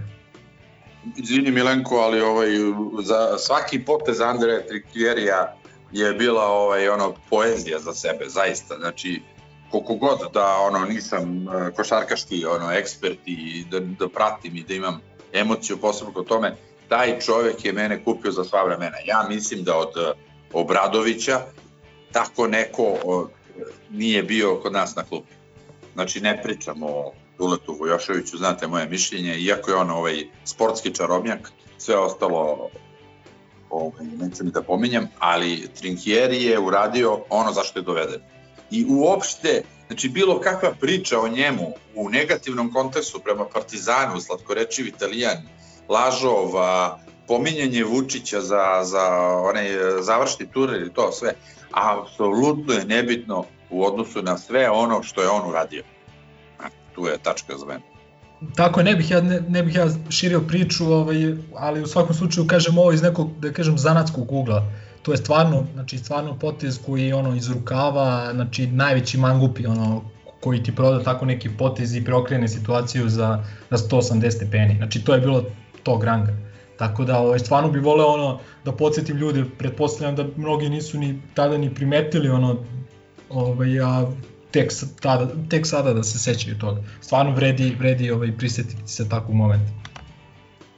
Steva, Trobi, podrobno. E, potez, e, dobro, ja mislim da je Sadikov dribling potpuno van konkurencije za, za ovu nesečnu godinu. E, isto mislim da je Makazice, da su Makazice Kalabine preko glave za penale u finalu kupa u sličnoj kategoriji, ali ja bih ovde kandidovao lopte sa očima Bibrasa Natka, lopte u prostor, meni je to, na svakoj utakmici ih ima nekoliko i ja uživam kad gledam tu taj njegov osjećaj za igru, osjećaj za prostor i, i, i, i, i prosto način kako uposleva sa igrača u napadu. Lepo.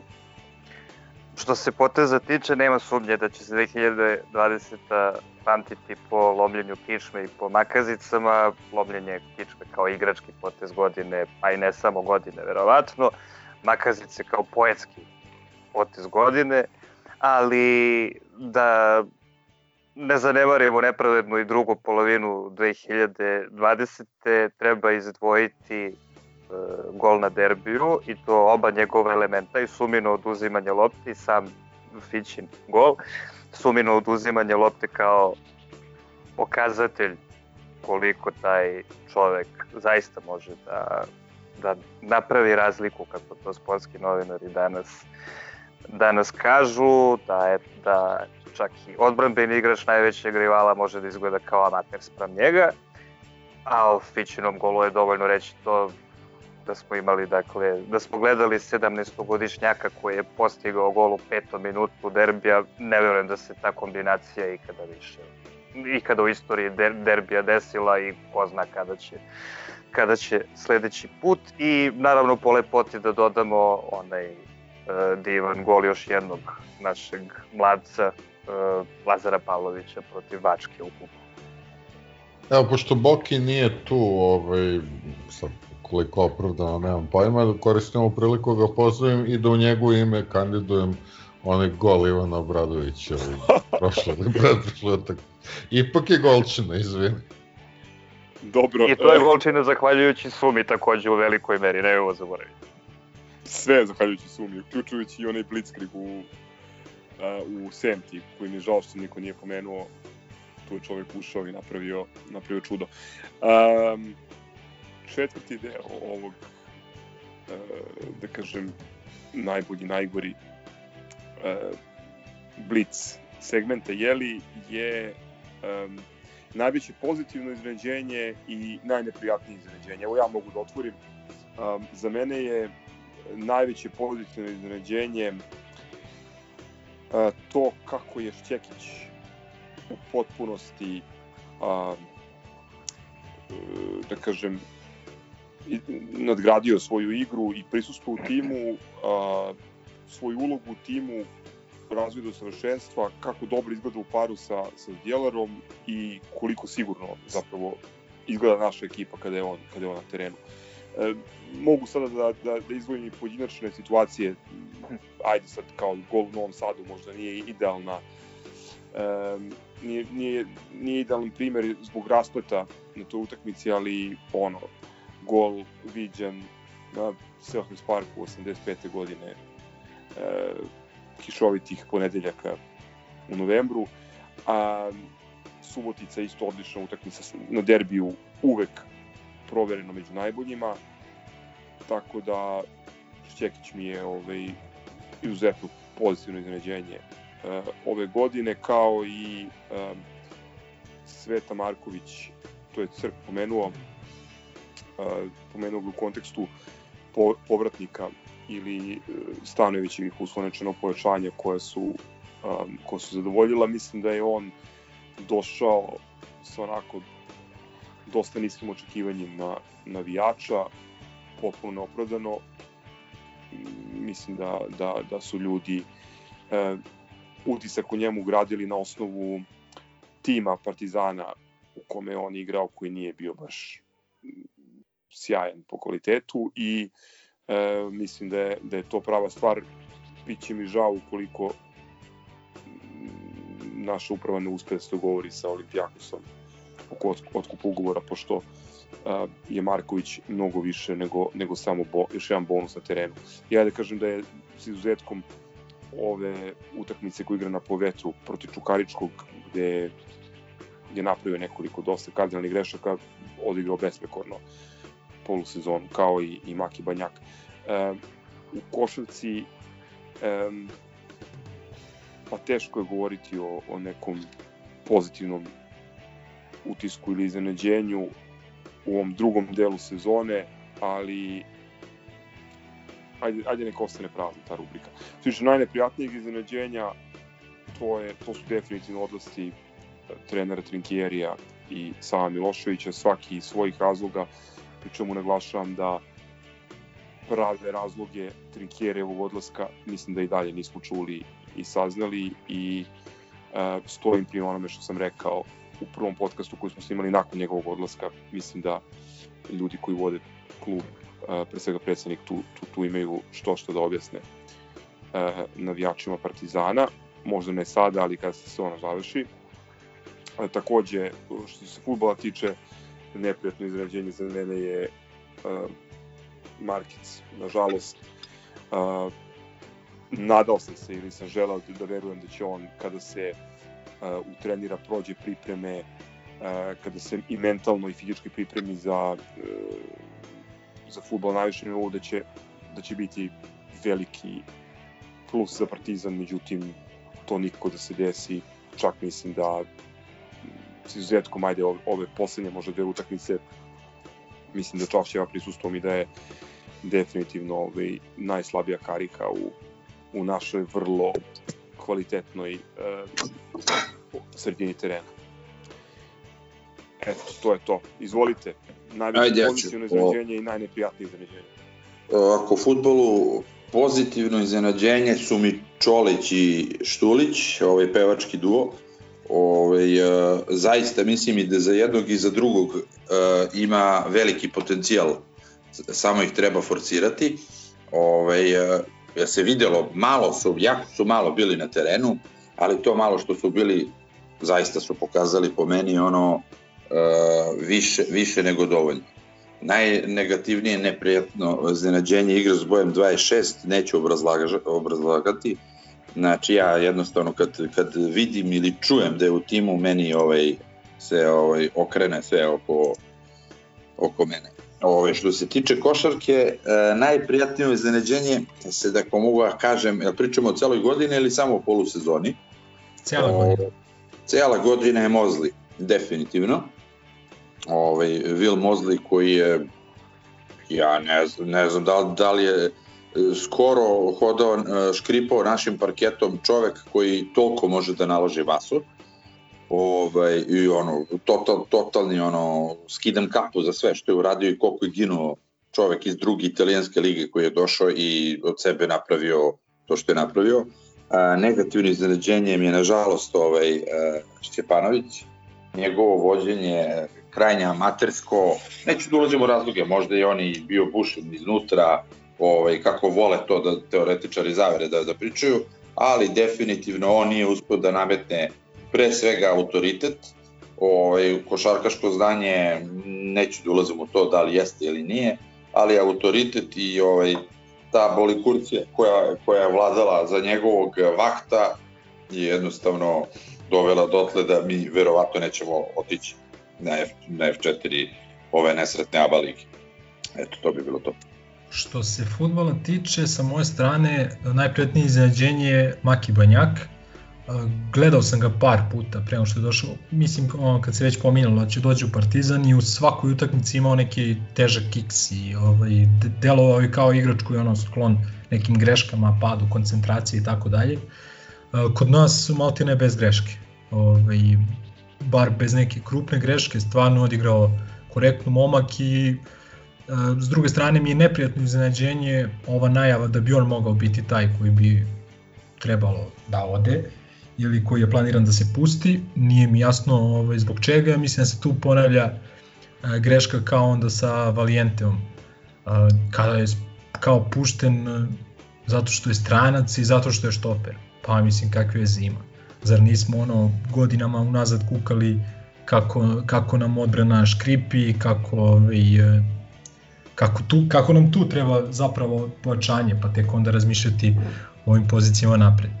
A, što se košarke tiče, najprijatnije... Izvini Mile, samo da dodam, izvini molim te, samo da dodam jednu jako bitnu stvar kod Makija. A, odigrao je ukupno 13 utakmica u prvenstvu, set, na 7 od tih utakmica, 13 utakmica nismo primili gol.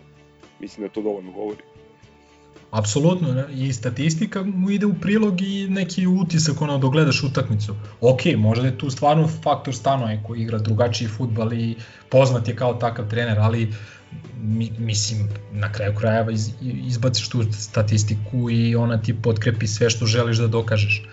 A što se košarke tiče, negativno iznenađenje ili utisak je svakako odlazak Trinkjerija, a pozitivno je novi ugovor za Markusa Peča. Iskreno nisam, nisam se nisam očekivao da, da će on da ostane, ovaj, ali mi je utoliko draž. I evo, već koliko je i sinoć je pokazao ovaj, da, nam, da nam mnogo znači.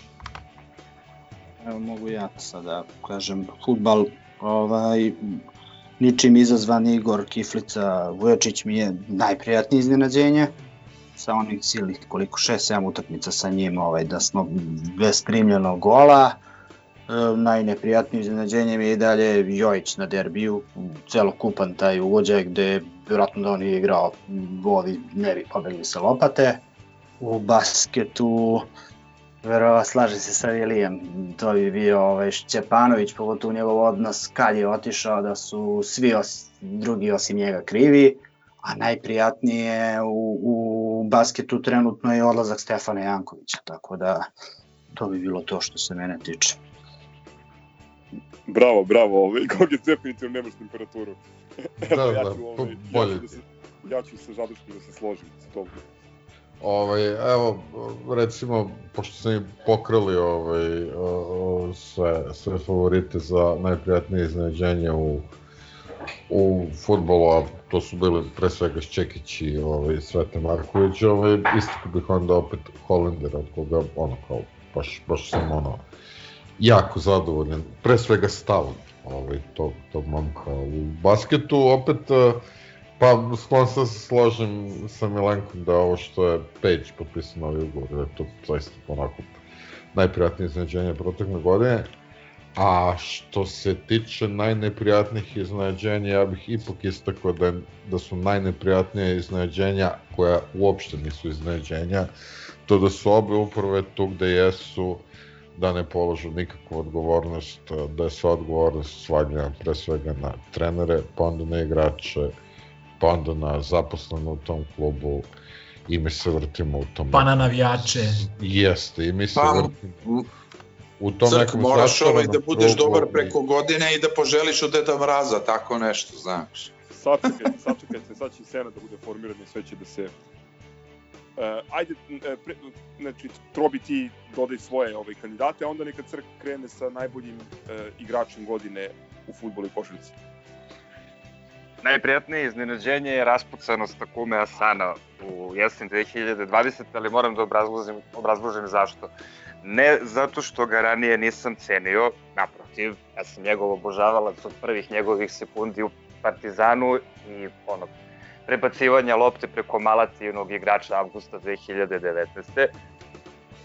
Još od tada viorim, ja, još od tada mašem japanskom, japanskom zastavom ali bojao sam se e, da nije cenjen onoliko koliko mislim treba bude cenjen, da će ga ljudi suviše posmatrati prema, da će ga ljudi suviše vrednovati prema tome koliko golova postiže, a da će zaboravljati na njegov doprinos igri koji je, na primer, Vili e, danas istakao, da će ljudi zaboravljati na to da je e, bio ključan igrač ne samo kod prvog, nego i kod drugog gola koji smo uh, jesenas ciganima dali u onom divnom derbiju. I zaista sam srećan zbog toga što se poslednjih meseci raspucao, što nam je postao najbolji strelac i što sada najbolji dobija uh, opšte uvažavanje koje je, koje je zaslužio što se najneprijatnijih iznenađenja tiče. Već ste pomenuli, ali valja podvući, ja zaista ne volim da kritikujem partizanove futbalere, čak i kada to zaslužuju, ali hajde da kažem da ponovimo opet na stup srama opet stavimo i Lazara Markovića i Miloša Jojića u nadi da će u nadi da će ovo čuti, da će se razbesniti i da će proigrati. Eto, to je to. E, nisam ja bio. Ovaj, e, ja, e, pošto sad na kraju vest ispucali ste iznenađenja pozitivne i negativna, a, a meni je pozitivno iznenađenje da, da ekipa Partizana koja pre nego što počne prvenstvo zna da ne može da bude prva, igra ovako kako igra. Ja mislim da oni ulaze sa, sa ogromnim hendikepom u svaku utakmicu, e, to što njih moguće da prebije svaka ekipa u sred Beograda i sudija da ne pokaže ni žuti karton, najčešće ni da ne, ne, ne, ne pokaže da je to bio faul. Ja mislim da je to jedno pozitivno iznenađenje, makar mene što se tiče. A što se tiče e, negativnih iznenađenja, to je Nemanja potegao tu temu, a, a to je da li će ikad iko postaviti pitanje da li je uprava i košarkaškog i futbolskog kluba odgovorna za bilo šta. Ja stvarno ne volim to smenjivanje trenera na, na, na pola sezone ili kraće od toga. Ja bih da se treneru da, da šansa da vodi klub, da dovede igrače koje on misli da treba da igraju, da napravi igru i da, i da vodi taj klub. A ako taj trener bude smenjen posle tri meseca, pa je se taj trener pokvario za tri meseca ili ga je neko doveo kao takvog. Tako da mi je to ako nepretno iznenađenje i taj odlazak Savin, smena, odlazak, šta god da je, onda to trošenje Vlade Šćepanovića isto mi je potpuno besmisleno i odlazak Rinkijarija pod, kako kažete, velom, velom tajne i dalje. Toliko. Crle, izvoli. Najbolji igrači. Pa, ajde, futbol, a, a, da, da nije otišao, ovaj, a, Sadik bi definitivno bio ovaj, najbolji, pošto je potpuno sulud, ali ajde, obzirom da više ovaj, ne trese golove u Ling Long nego u sekundi, a, onda definitivno Asano. A o tom momku stvarno, već ste dovoljno pričali u ovoj epizodi, a da ne pričamo o, o histiju od kad je nastupa nadalje. A ovaj, u basketu definitivno Marcus Page. A, Potvrđujem, identično, razmišljam a, Takuma, naj, naj, najbolji, najkorisniji, sve, sve naj, ovaj, apsolutno epitete ima. I Marcus Page, ovaj, Tar Heel, koga sam ja ovaj, ono, po, po, počeo toliko da volim, da je to neverovatno, tako nenametljiv, tako nenakurčen, a, tako skroman, a, ovaj, a tako zajeban i tako koristan da eto, ne, ne znam šta bi tu više mogao da kažem, jednostavno Takuma i Markus uh, apsolutno ide ono, zlatna kopačka i zlatna levita.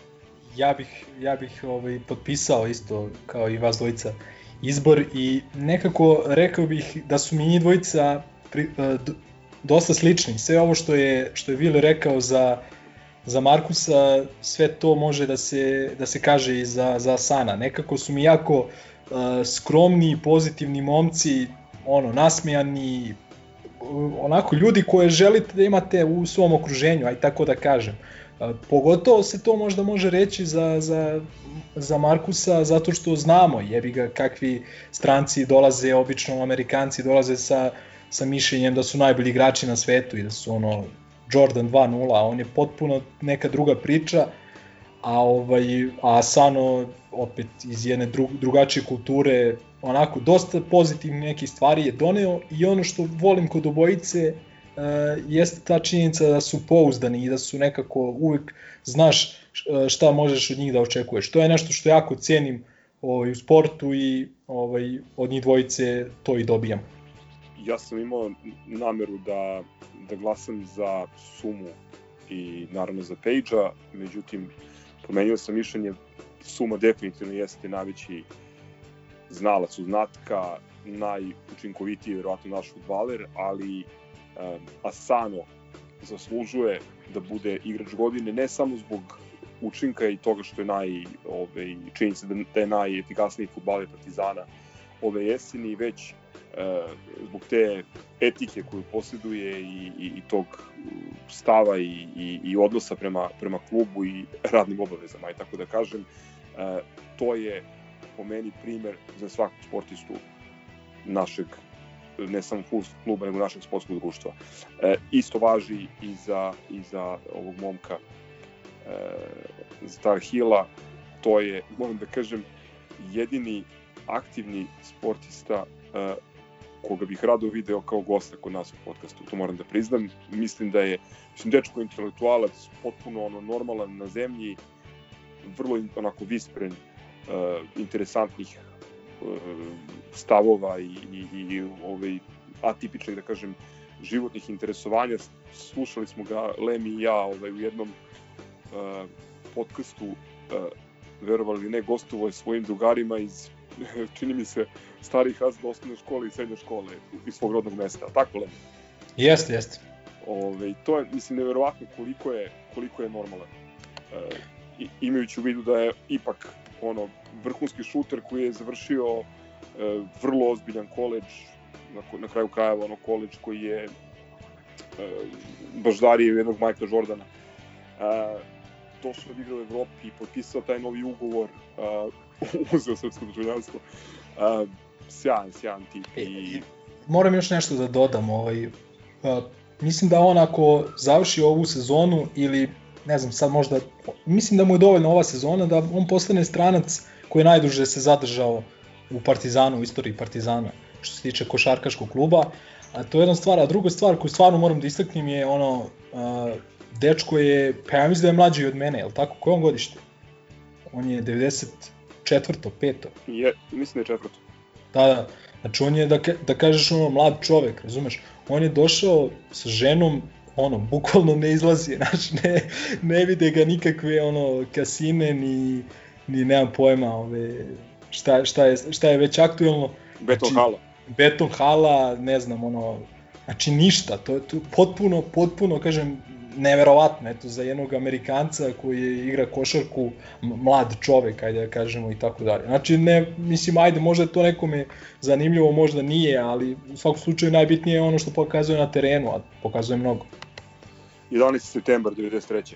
Ali u svakom slučaju mlad čovek i, i primer ono profesionalca e. i ja, ajde ako ćemo, ako ćemo da budemo potpuno realni ono antipod u našem timu uh, Rašići, Raši Tomasu.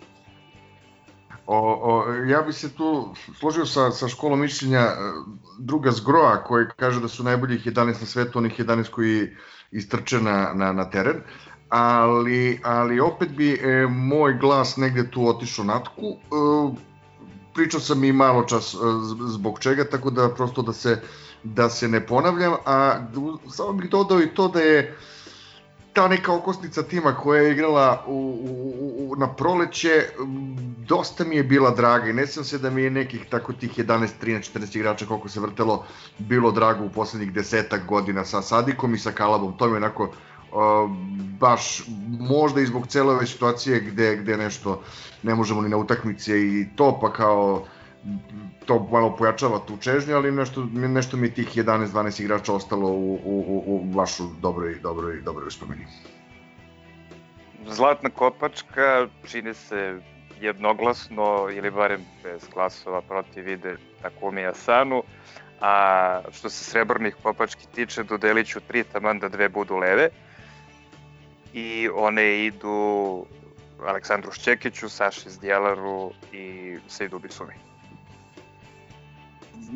Ja prepisujem i futbal i basket, tako da rečeno sve. A Sano se noćas pojavi, jednoglasno jebati. U stvari nije jednoglasno, da, Steva je... Nije Stevan je, Stevan je bio da, za, za ovoga... Natka. Za Natka, mislim... A, Ali to, nije to, to, to su stvarno, to je, to je što se kaže selektori na slatkim mukama. Nijanse, treba, nijanse kad su... treba da biraš između sume, a, Natka i ovoga Asana, to, to je predivno, a, a moraš da zanemariš recimo zdjevore. Kao da se izjasniš koje dete više voliš ovo. bukvalno, bukvalno tako. Chivabi. it's good. yeah, man. It's my favorite Serbian food.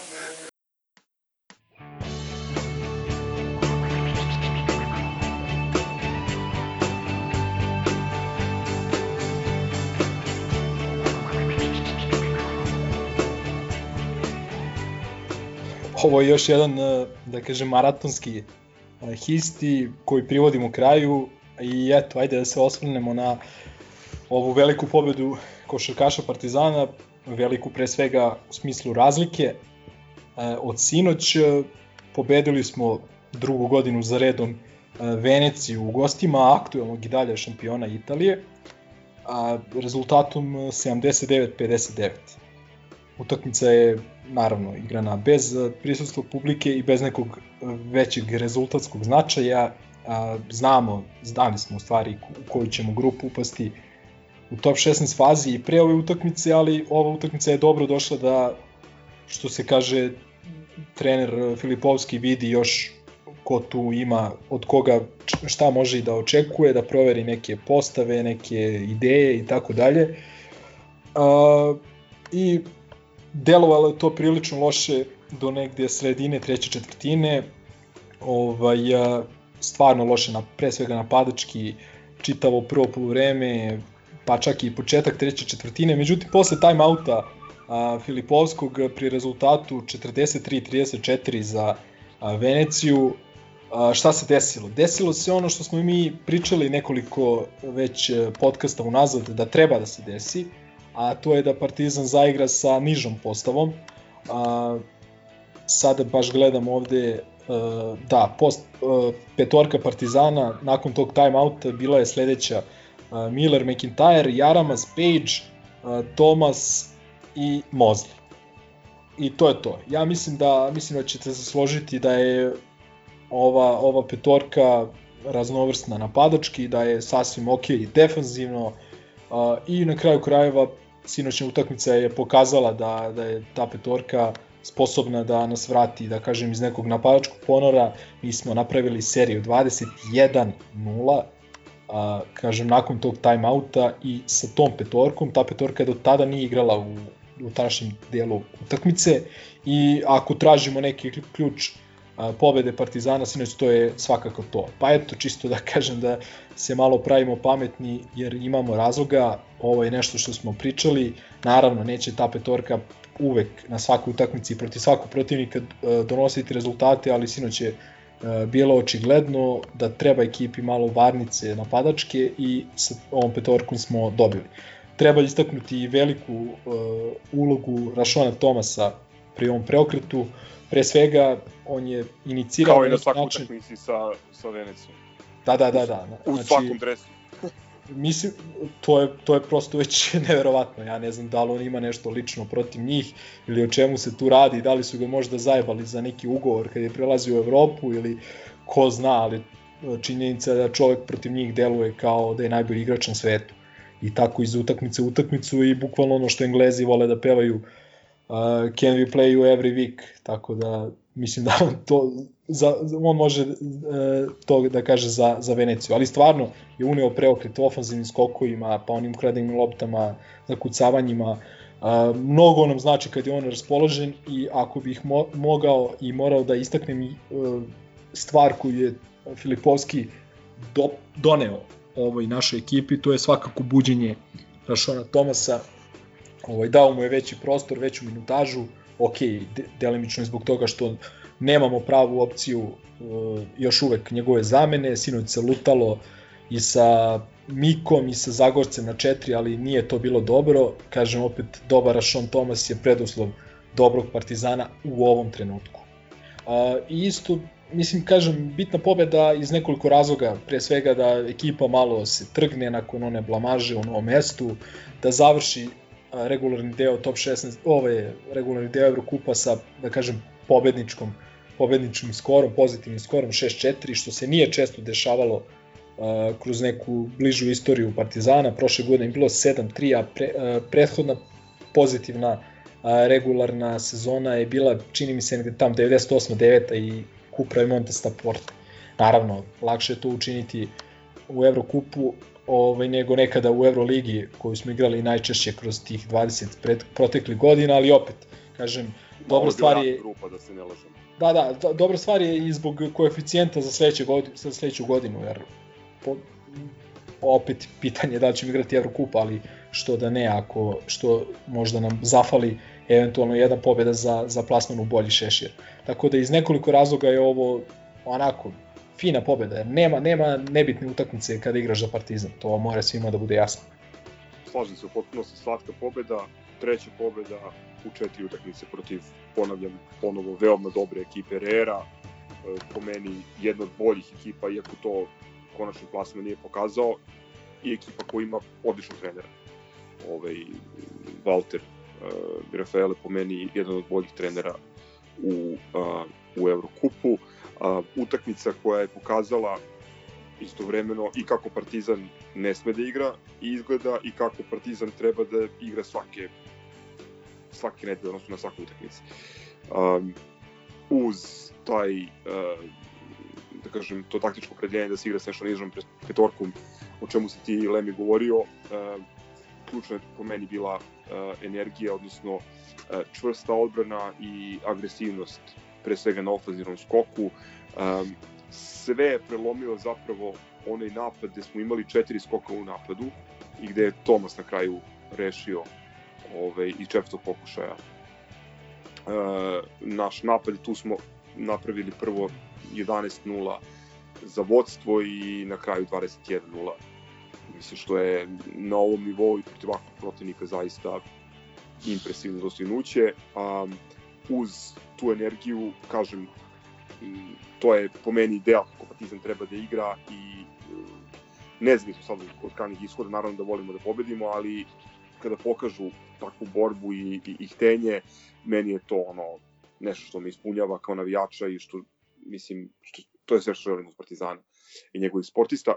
Uz tu energiju, uh, utisak broj 1, uh, Jankovićevi uh, brci, i to je nešto što želim od igrača Partizana, od Ratka Čolića i osnivanja.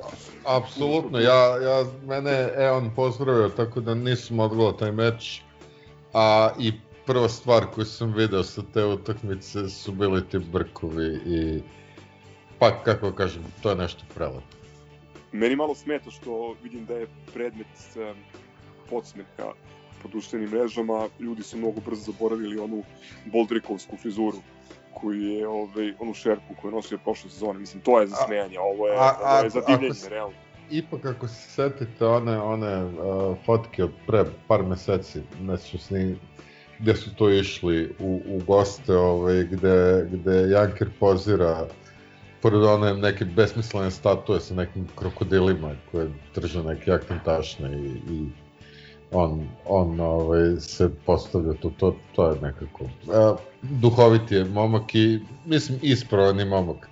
Jasno je da nije vrhunski košarkaš u pitanju, ali stvarno ne vidim ko može nešto da mu zameri na zalaganju, na stavu, a i ne može se reći da nije simpatičan.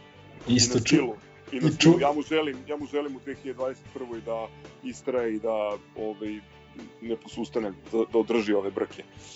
Čuvena, čuvena Trinkerijeva izjava, sve je bilo dobro osim, osim frizure Jankera.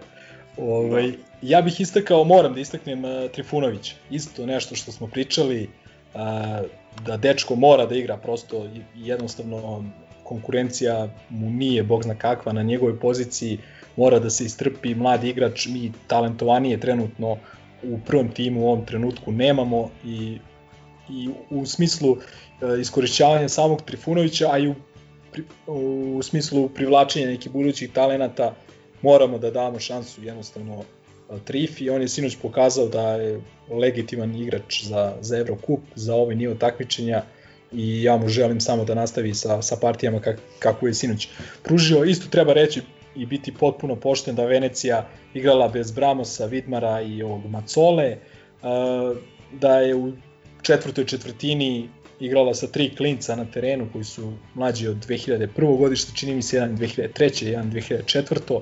tako dalje, tako da možda ova razlika nije baš najreprezentativnija i voleo bi da istaknem da, da, da, ovaj, da ostane, da kažem, zabeleženo u ovom podcastu stvarno ono gospodska čestitka Venecije na društvenim mrežama nakon pobede gde su nam ono poželeli sreću Da, i čestitali. gest. Da, da. Tako da nas, nas sa njima veže dosta toga od Braje Dalipagića pa do kažem onih sjajnih utakmica prošle godine i mi im želimo, bar ja, verujem i vi, dosta sreće u nastavku italijanskog prvenstva. Slažem se. E, i, samo da kažem da su, mislim da su svi dali e, sinoć nekakav doprinos, e, uključujući i, i Mozu, koji je završio utakmicu bez poena, ali je bio dominantan u skoku, čini mi se 8 skokova, uključujući neke dosta bitne lopte u napadu, e, je pokupio e, uz trifu Jare je nag, nag, nagovestio da, da, da se vraća na onu frekvenciju i formu e, pre one nesrećne povrede u, u, u železniku. Ajde da se nadamo da će, da će već ova utakmica protiv, protiv Splita uh, da pokaže dalje ono napredak i rast, rast ove ekipe i da vidimo da li će biti nešto od tih, od tih uh, dopuna rostera. Puno toga se pričalo, mislim, prethodnih dana i, i u vezi futbolskog i u vezi košarkaškog kluba. Uh, mislim, slušalci su mogli na plastičnim primjerima da vide zbog čega ne želimo da gubimo vreme, živce, energiju na takozvano insajderisanje. A, to je ono što ja lično želim svima u, u, u sledećoj godini da manje vremena troše na, na, na glasine, a više ove, na realne stvari i da, da, da energiju i, i ljubav usmeravaju ka onima koji, koji su na parketu, jer u datom trenutku tih 5 ili 11 su on najbolje što, što mi imamo.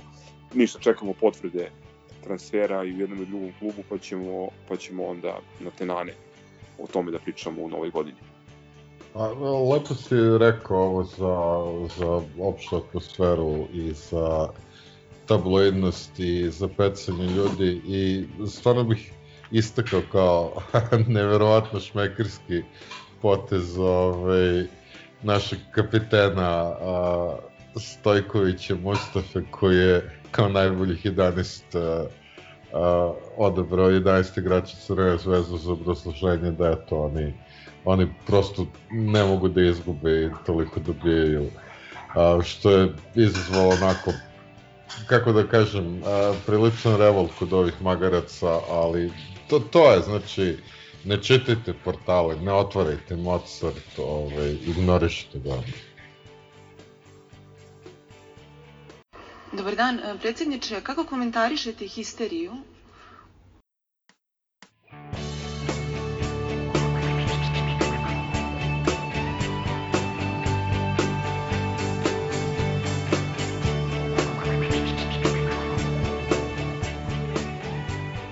Dobro, ljudi, nije ni kuba. To je to. Gasi, To- motaj to je to. kablove. to je to za budućnost 2020. Ne povratila se. Ajde, Ništa ljudi, evo, evo, evo, evo, samo da, glupo je da vam poželimo ovaj, a, bolju godinu, jer to smo radili i prošli put, pa vidi na što je to izašlo. a, više bih želeo da uputim par onako motivacijnih reči, a, ide godina za koju nemamo, nemamo neke pretarane iluzije, ovaj, da će biti mnogo bolje, tako da ja stvarno iskreno verujem da će nas prijatno iznenaditi. Ja želim Nadam ljudima da budu zdravi, verni, solidarni, da se podržavaju, da podržavaju Partizan, da se sete e, dragih ljudi koji su nas, nažalost, napustili u prethodnoj godini, da vode računa e, o onima koji su i dalje tu i e, ništa ono, u kom god formatu i, i gde god da planiraju da dočekaju novu godinu, e, mi ćemo sutra izbaciti novi radio mix koji mogu da iskoriste kao muzičku podlogu. Tako da, Ako su se išli sa ovom. ili, pa imaju, izuzetno loš, ili imaju izuzetno loš muzički ukus. ako nas slušaju dva sata, onda, Da, da, dobro. izbacili, Ti, ti ljudi su stvarno sposobni na sve. Ništa ljudi, e, stvarno nadam se da se vidimo na, na stadionu na proleće, ovo, ovo postane neizdrživo. Dogodine naivna. Tako je. i u hali sportova. Čuvajte jedni druge, čuvajte sebe, čuvajte Partizan. Dragi slušalci i slušateljke, ovaj, zaista vam hvala za, za ovu, ovih 13 meseci mučenja sa nama i futbala i košarke u doba kolere. Ovaj, a, mnogo nam znači to što slušate, a, kudili i hvalili, ovaj, opet i to nam znači. Ovaj, ovom priliku hoću stvarno svima da poželim ovaj, a, mnogo, mnogo, mnogo bolju ovu novu godinu. Božićne praznike i hoću da čestitam Saletu večitom kapitenu danas rođendan, koji je ovo 43. Ovaj, e, I toko od mene ovaj, e, slušamo se, gledamo se, e, nova srećka, nova tura, bit će bolje. Robar i zdravo. Grobar i zdravo. Ciao, brate. Salim ti prijetna dan.